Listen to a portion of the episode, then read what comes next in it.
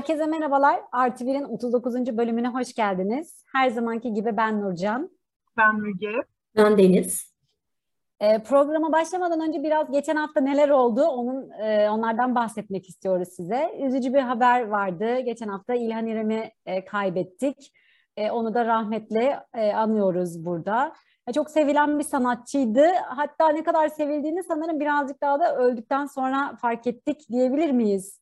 Bilmiyorum size sorsam hani neden bu kadar seviliyormuş diye neler söylersiniz İlhan İrem için?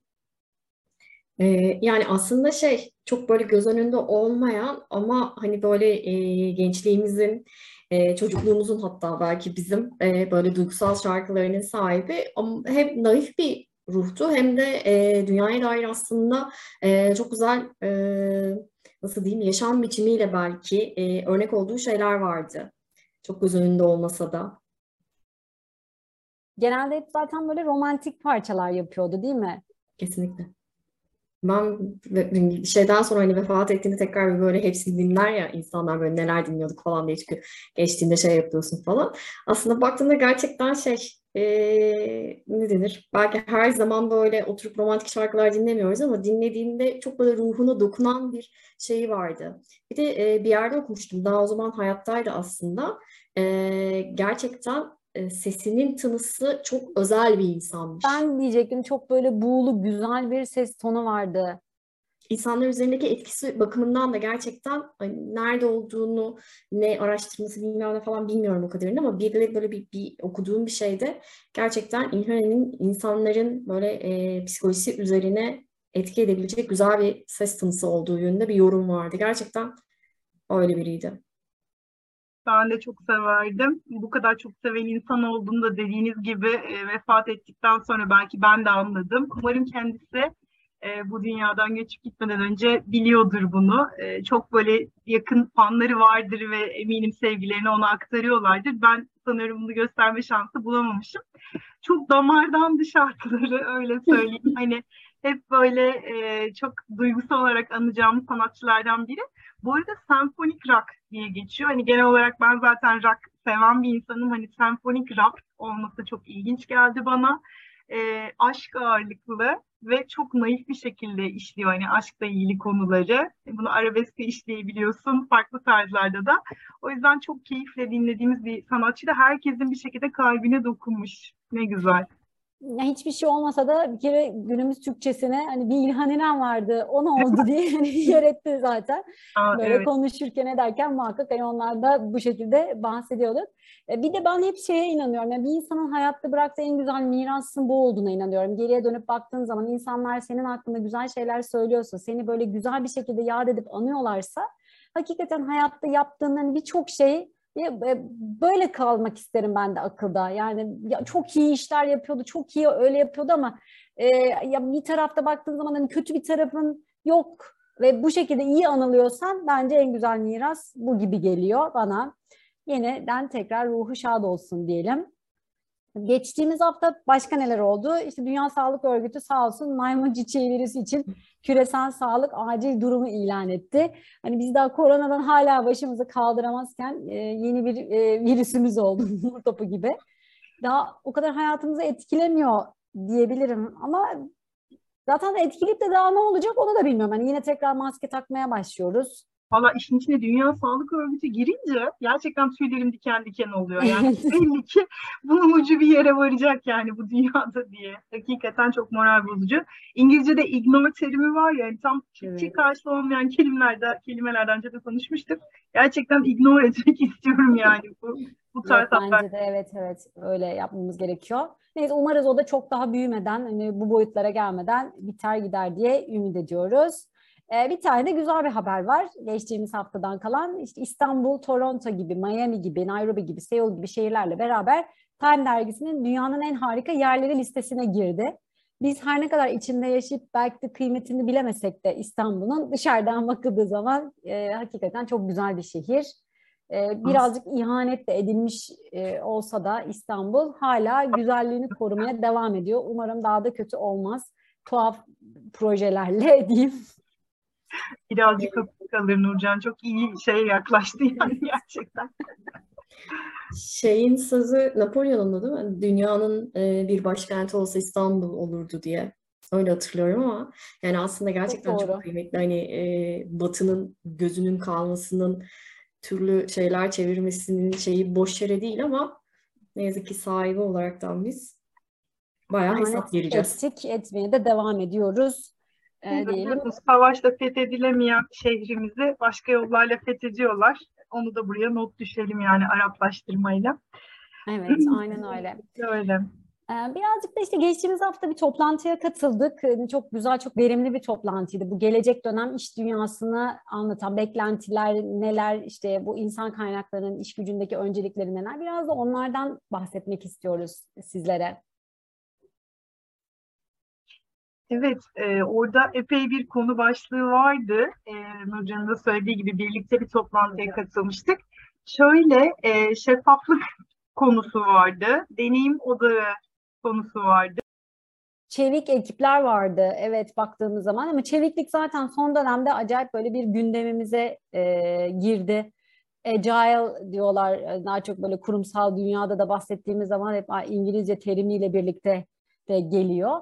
Birçok yani dünya değişiyor, iş dünyası da tabii çok değişiyor. Orada böyle dinlerken e, çok böyle şaşırdığımız şeyler de oldu içinde baktığımız zaman.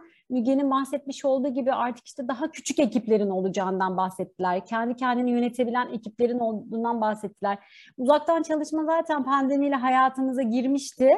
Ee, ama işte bu aynı şekilde devam ediyor ve esnek çalışma da e, geliyor. Bunun da artılarından ve eksilerinden de bahsettiler aslında bakarsanız. Mesela işte hibrit e, çalışmada bize göre böyle çok güzel, hani bana göre mesela çok güzel geliyor ama işte negatif şeyler de e, var maalesef. Bunlardan bir tanesi mesela inovasyonun düştüğünden bahsettiler. Ki buna benzer Elon Musk'ın bir açıklaması oldu. Biliyorsunuz o Tesla'da kesinlikle hani uzaktan çalışma, esnek çalışma izin verilmeyeceğini, herkesin ofisinde masasının başında olmasını istedi. Çünkü inovasyonun düştüğünü söyledi. Ya bence bu da biraz sektörel bazı değişiyor olabilir gibi geliyor bana ya. Yani hakikaten böyle mekanik bir şey yapıyorsan belki orada bir arada farklı şeyler çıkartabilirsin. Yani uzakta evden bir bilgisayarın başında yapamıyor olabilirsin ama birazcık daha böyle hani pazarlama anlamında yaratıcı bir şey çıkartıyorsan bir ürün bir şey yani bilmiyorum bana yine de yapılabilir gibi geliyor uzaktan da bağlantıyla. Bilmiyorum siz ne düşünüyorsunuz? Ben hibritçiyim açıkçası. Yani e, insanların ofiste çalışabildiği şeyin evden de yapılabilirliğini düşünüyorum. Ama ne var? Hani e, evet bir araya geldiğinde o beyin fırtınası var ki iletişim yani insan dediğimiz şey iletişim olduğu için e, ekranda biraz daha zor olabiliyor. O yüzden zaten hibrit yani tamamen evlere dönülsün değil. E, belli bir şeyde ama e, ofisteyken de belirli saatler arasında bu işte haftanın beş günü şu kadar saat o ofiste olacaksın dediğinde gerçekten iş çıkıyor anlamında değil yani. Bir insanın çalışması herkesin yapısı farklı, e, herkesin beyninin açık olduğu saat dilimi farklı olabiliyor. O saatler arasında götürdüğünde e, belki de hiçbir şey yapmıyor. Tamamıyla şey ne denir takılıyor, çalışıyormuş gibi gösteriyor. Örneklerini de çok yaşadık zamanın, zamanında. E, o yüzden herkes aslında kendisine uygun şeyi, çalışma stilini belirleyip çalışabildiği ve bunun şartlarının sağlandığı, iyileştirildiği bir sistem geliştirilebilir. Yani normal herkesin ofisten çalıştığının eksileri yok muydu? Vardı. Hibritin de eksileri olacak tabii ki de. Ama iyileştirebilme. O hibrit biraz daha insanca çalışmaya götürüyor benim görüşüm. Ben, e, yani söyleyin hocam. Ben de şöyle, ben zaten herkesin bu arada çalışma e, düzeni de farklı. Ya kim insan mesela ofiste daha verimli çalışıyor, kim insan evde daha verimli çalışıyor. Bence bu kişinin tercihine bırakılabilir gibi geliyor bana önümüzdeki dönemde. Kim ben, nasıl istiyorsa katılıyorum Nurcan'a. Yani eskiden hibritin işte evden ve işten çalışma günlerine şirketler karar veriyorken bence insanların e, tercihleri ya da ihtiyaçları diyeyim gerçekten işe göre e, karar verici unsur olursa çok daha sağlıklı olur. Belki burada e, insan kaynaklarının e, ölçümlemelerle ilgili tabii ki yeni yöntemlere geçmesi lazım. Çünkü ben iş hayatında şunu da görüyorum. Bir insana yüzde yüz güvenemiyorsunuz. Ne yazık ki insanoğlunda süstimal etme denen bir şey var. Yani insanı sen herkese güvenerek zamanı tamamen ona emanet edemiyorsun. Sonuçta bu zaman karşılığında bir şey ödüyorsun. E, burada insanların belki takibi ama kesinlikle bir 1984'teki gibi bir e, takibi kastetmiyorum tabii ki. E, farklı yöntemler olmalı. Yani verimlilik bir şekilde ölçümlenmeli diye düşünüyorum. Ee, inovasyon düştü kısmı ile ilgili tabii benim bir yorum olamayacak. Ee, belki şu anki işlere göre, hani şu anki kapsamlara göre inovasyon, inovasyon e, çalışmıyor olabilir hani unsur olarak. Onu bilemiyorum ama ben de gelecekte uzaktan çalışmayla da olsa inovasyonun mutlaka işe yarayacağını düşünüyorum. Sonuçta özellikle insanın bence yalnız kalması inovasyonu arttıran bir şey, düşünme gücünü arttıran bir şey. Ben bunu kendimde de gözlemliyorum. Bu arada ee, Meta'yla çok özür dilerim. Meta'yla zaten olur da avatarlarımız bir ofiste olursa zaten fiziki orada mısın gibi olacak yani. Aslında şey kesinlikle katılıyorum. Ben bunu özellikle genç arkadaşlarda daha çok hissediyorum. Yani görünürlük düştü endişesi. Biliyorsun o araştırmanın çıktılarından biri de buydu. Ee, evet, görünürlük duyunca bile tüylerim kendileri olduğu için. Biliyorsun birazcık visible. Biraz visible. Görünür olmamız gerekiyor yani Nurcan. Ee, onun dışında da e, ben insan, daha önceki bölümlerde de bahsetmiştim, insan çok sevdiğim için ve insandan beslenen bir insan olduğum için e, mutlaka ve mutlaka bir arada olmak istiyorum. Hani ev beni köreltiyor, bundan çok eminim. Ama dediğim gibi bu herkesin kendi ihtiyacına ve tercihine göre olmalı. Yani benim de evde kapanıp yapmam gereken işler olabiliyor. Bana o gün kimse gel ofiste Müge şunu halledelim dememeli, diyememeli. E, bunlar tabii çok iyi ayarlanması gerekli konular. E, umuyorum ortak takvimlerle daha rahat bir çalışma ortamı olur. E, bu arada aynı toplantıda tabii YOLO diye çok da trend e, olan bir kavramdan bahsedildi. E, you only live once. Bence e, bu da önemliydi. Hayatta bir kez yaşıyorsun. E, biz burada anlaşılan anlamda kendi adıma söyleyeyim en azından çok e, inanmasak da bir defa e, bu hayata gelindiğine tabii burada ne kastedildiğini hepimiz biliyoruz aslında. E, dolayısıyla evet bu hayatı sanki bir kez geliyormuş gibi her e, hayatın her şeyini en iyi şekilde yaşamak gerekiyor diye düşünüyorum. E, o da benim için çok önemli. Yani iş olsun, özel yaşam olsun. E, sonuna kadar güzel bir hayat sürmeye çalışmak lazım bence. Bilmiyorum siz ne düşünüyorsunuz bu konuda? Kesinlikle bu kölelik sisteminden çıkılması gerekiyor. Dediğin çok doğru. Yani İK aslında e, denetleme süreçlerini doğru yaptığı takdirde yani sen bir kişiyle çalışıyorsan çalışanına güvenmen gerekir. Yani güveneceğin insanla çalışman gerekir daha doğrusu. Yani bu kadar e, işsiz insan varken kimse çalışmayan insanlara mecbur da değil aslında. İş gücü de az değil. Gerçekten çalışacak insanları bulup ve onları doğru bir şekilde evet kontrolünü de yap. Ee, ama bunu uzaktayken de yapabilirsin, ofisteyken de yapabilirsin. Eğer doğru sistemlerle yaparsan, doğru ödüllendirmeyi koyarsan, e, belki biraz şey de gerekiyor. Hani bu görünürlük dediğiniz şey e, benim de çok e, şey yaptığım yani kişinin görünmesi değil, işinin görünmesidir. İşinin görünmesi için ben yöneticilerin de birazcık çaba sarf etmesi gerektiğine inananlardanım. Belki birazcık şey ne denir masal gibi e, rüya gibi bir şey benim e, talep ettiğim şey ama yönetici... Ay, çok hoşuma gitti Deniz. Çok özür dilerim lafını kestim ama gerçekten kişinin görünmesi işinin görünmesi e, atasözü sözü gibi oldu bence ama Türkiye'de iş hayatında gerçekten kişinin görünmesi işinin görünmesinden çok daha önemli. Hani buna vurgu yaptığın için çok teşekkür ediyorum kendi adıma. Kesinlikle yani iş hayatının şeyi hani şeyler var ya artık böyle her yerde geçiyor. İşte yerden çöp alıyorsan bile bunu ben aldım diye bağıracaksın. Ancak o şekilde bir e, şey görebil, görünebilirsin şeklinde. E, hayır benim görünmem gerekmiyor. Benim işimin görünmesi gerekiyor. Ben bu işleri ortaya koyuyorum ama ben bu işleri yaptım bakın diye bağırmamalıyım. Onu bağırmak için harcayacağım çabayı ben işimi yapmak için harcamalıyım. Yöneticinin görevi de bence oturduğu yerde bana gelsinler değil, benim çalışanlarım neler yapıyor, onlar çalışmaya devam ederken ben bunu takip etmeliyim olmalı. İK da işte orada aslında doğru bir şekilde şey yaptığında insanlar neler yapıyor, ben hangi işe doğru insanı getirebilir mi peşinde koşması gerekiyor. Yani herkes işte ben onu da yapıyorum. Mesela ben bu şeyden de çok şeyim. Onu da yapıyorum, bunu da yapıyorum, şunu da yapıyorum. Uzmanlaşma nerede? Uzmanlaşmaya ne oldu? Yani herkes her şeyi yaptığı zaman bir şeyler çünkü eksik oluyor. Yani tabii ki her şeyden genel olarak bilinmesi gerekiyor. Ee, bu hani bir hayatımız var da onu da yapayım, bunu da yapayım da böyle bir iş hayatına getirdiler. bizim özel hayatımız gidiyor.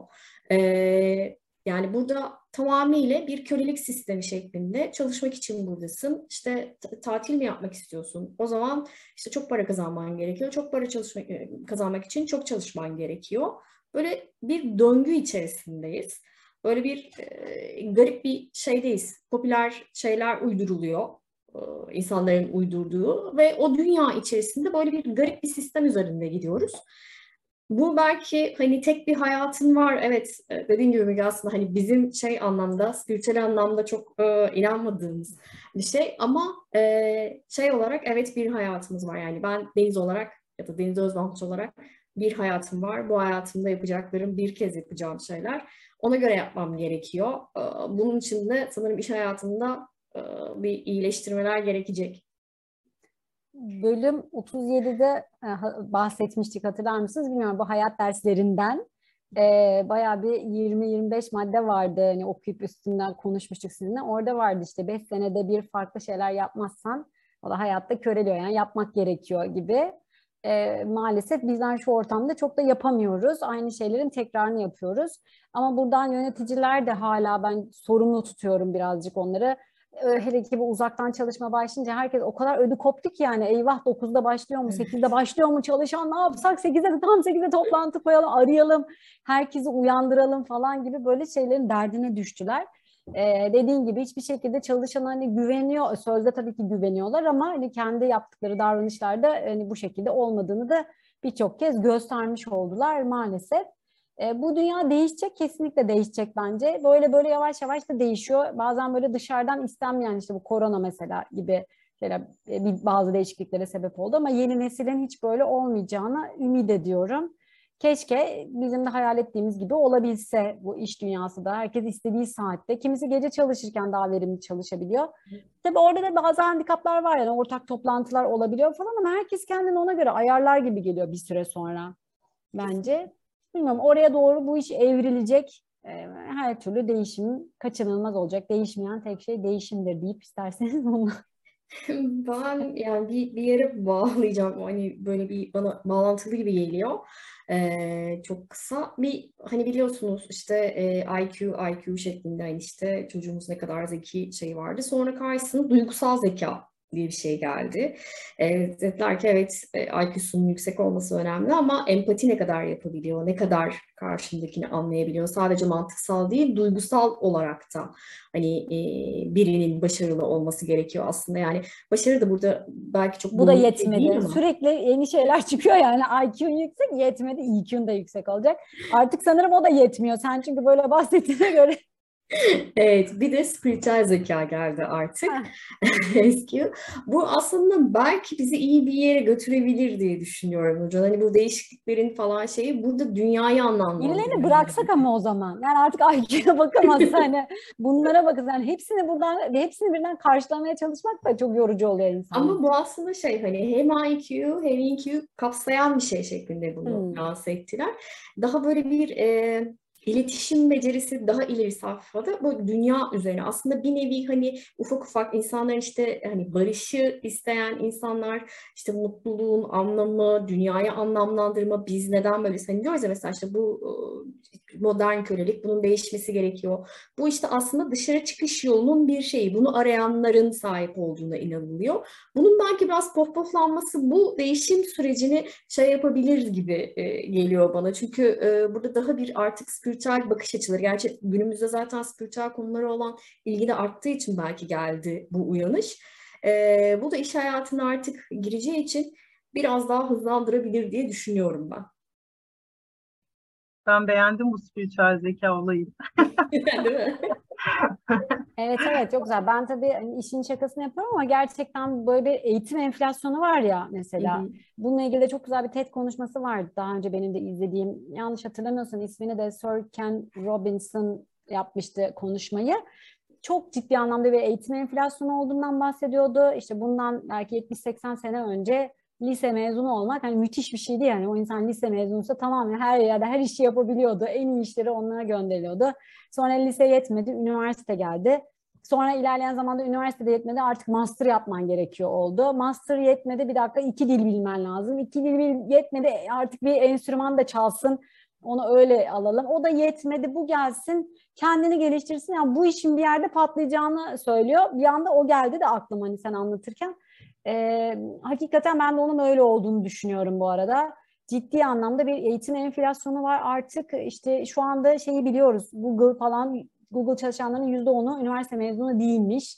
Yani birazcık daha yetkinliğe, yeteneğe bakmaya başladı büyük şirketler. Bu da bence güzel, sevindirici gelişmeler. E, çünkü herkesin üniversite okuma imkanı da olmayabiliyor. Mesela çok yetenekli bir insan, o işi gerçekten iyi yapabilecek potansiyeli olan bir insan ama maddi şartlar sebebiyle mesela üniversite okumamış olabiliyor. Bu insanlar şu anda çünkü iş dünyasında tamamen eleniyordu. Hele Amerika'da falan bazı şirketler bu Ivy League diyorlar ya hani belli üniversiteler işte Harvard'dır, Yale'dır, Princeton'dır onun haricinde kimseyi işe almıyor gibi. Hani bunlar da yavaş yavaş azalarak e, yok olacak inşallah. Bizde e, de var. Diyoruz. Var var bizde de var canım. Yani Aynen. belki sözlü olarak yok, belki iş tanımında yazmıyor ama gelen CV'den direkt hani onlar alınıyor, diğerleri elleniyor. Aynen. E, bizde de sözlü olmayan e, böyle elemeler var. Ki Türkiye'deki üniversiteleri düşünürsek aslında insanlar üniversiteye girse bile birçoğu gerçekten şey değil, yetkin değil. Ee, bir şey öğretilmiyor çünkü binalar, binalar üniversite oldu artık zaten Aynen. baktığın zaman. Bakalım inşallah güzel şeyler olacak. Evet evet güzel şeyler olacak aynen öyle. Her şey çok güzel olacak diye bağlayabiliriz bunu da. evet. evet. Böylece 39. bölümünde sonuna gelmiş olduk. İnşallah bir sonraki bölümde tekrar birlikte olmak dileğiyle. Ee, bilmiyorum sizin ekleyecek bir şeyiniz var mıydı? Ben böyle kapattım hemen ama tamam. Bir sonraki bölümde görüşmek üzere diyorum. Hoşçakalın. Hoşçakalın. Hoşçakalın.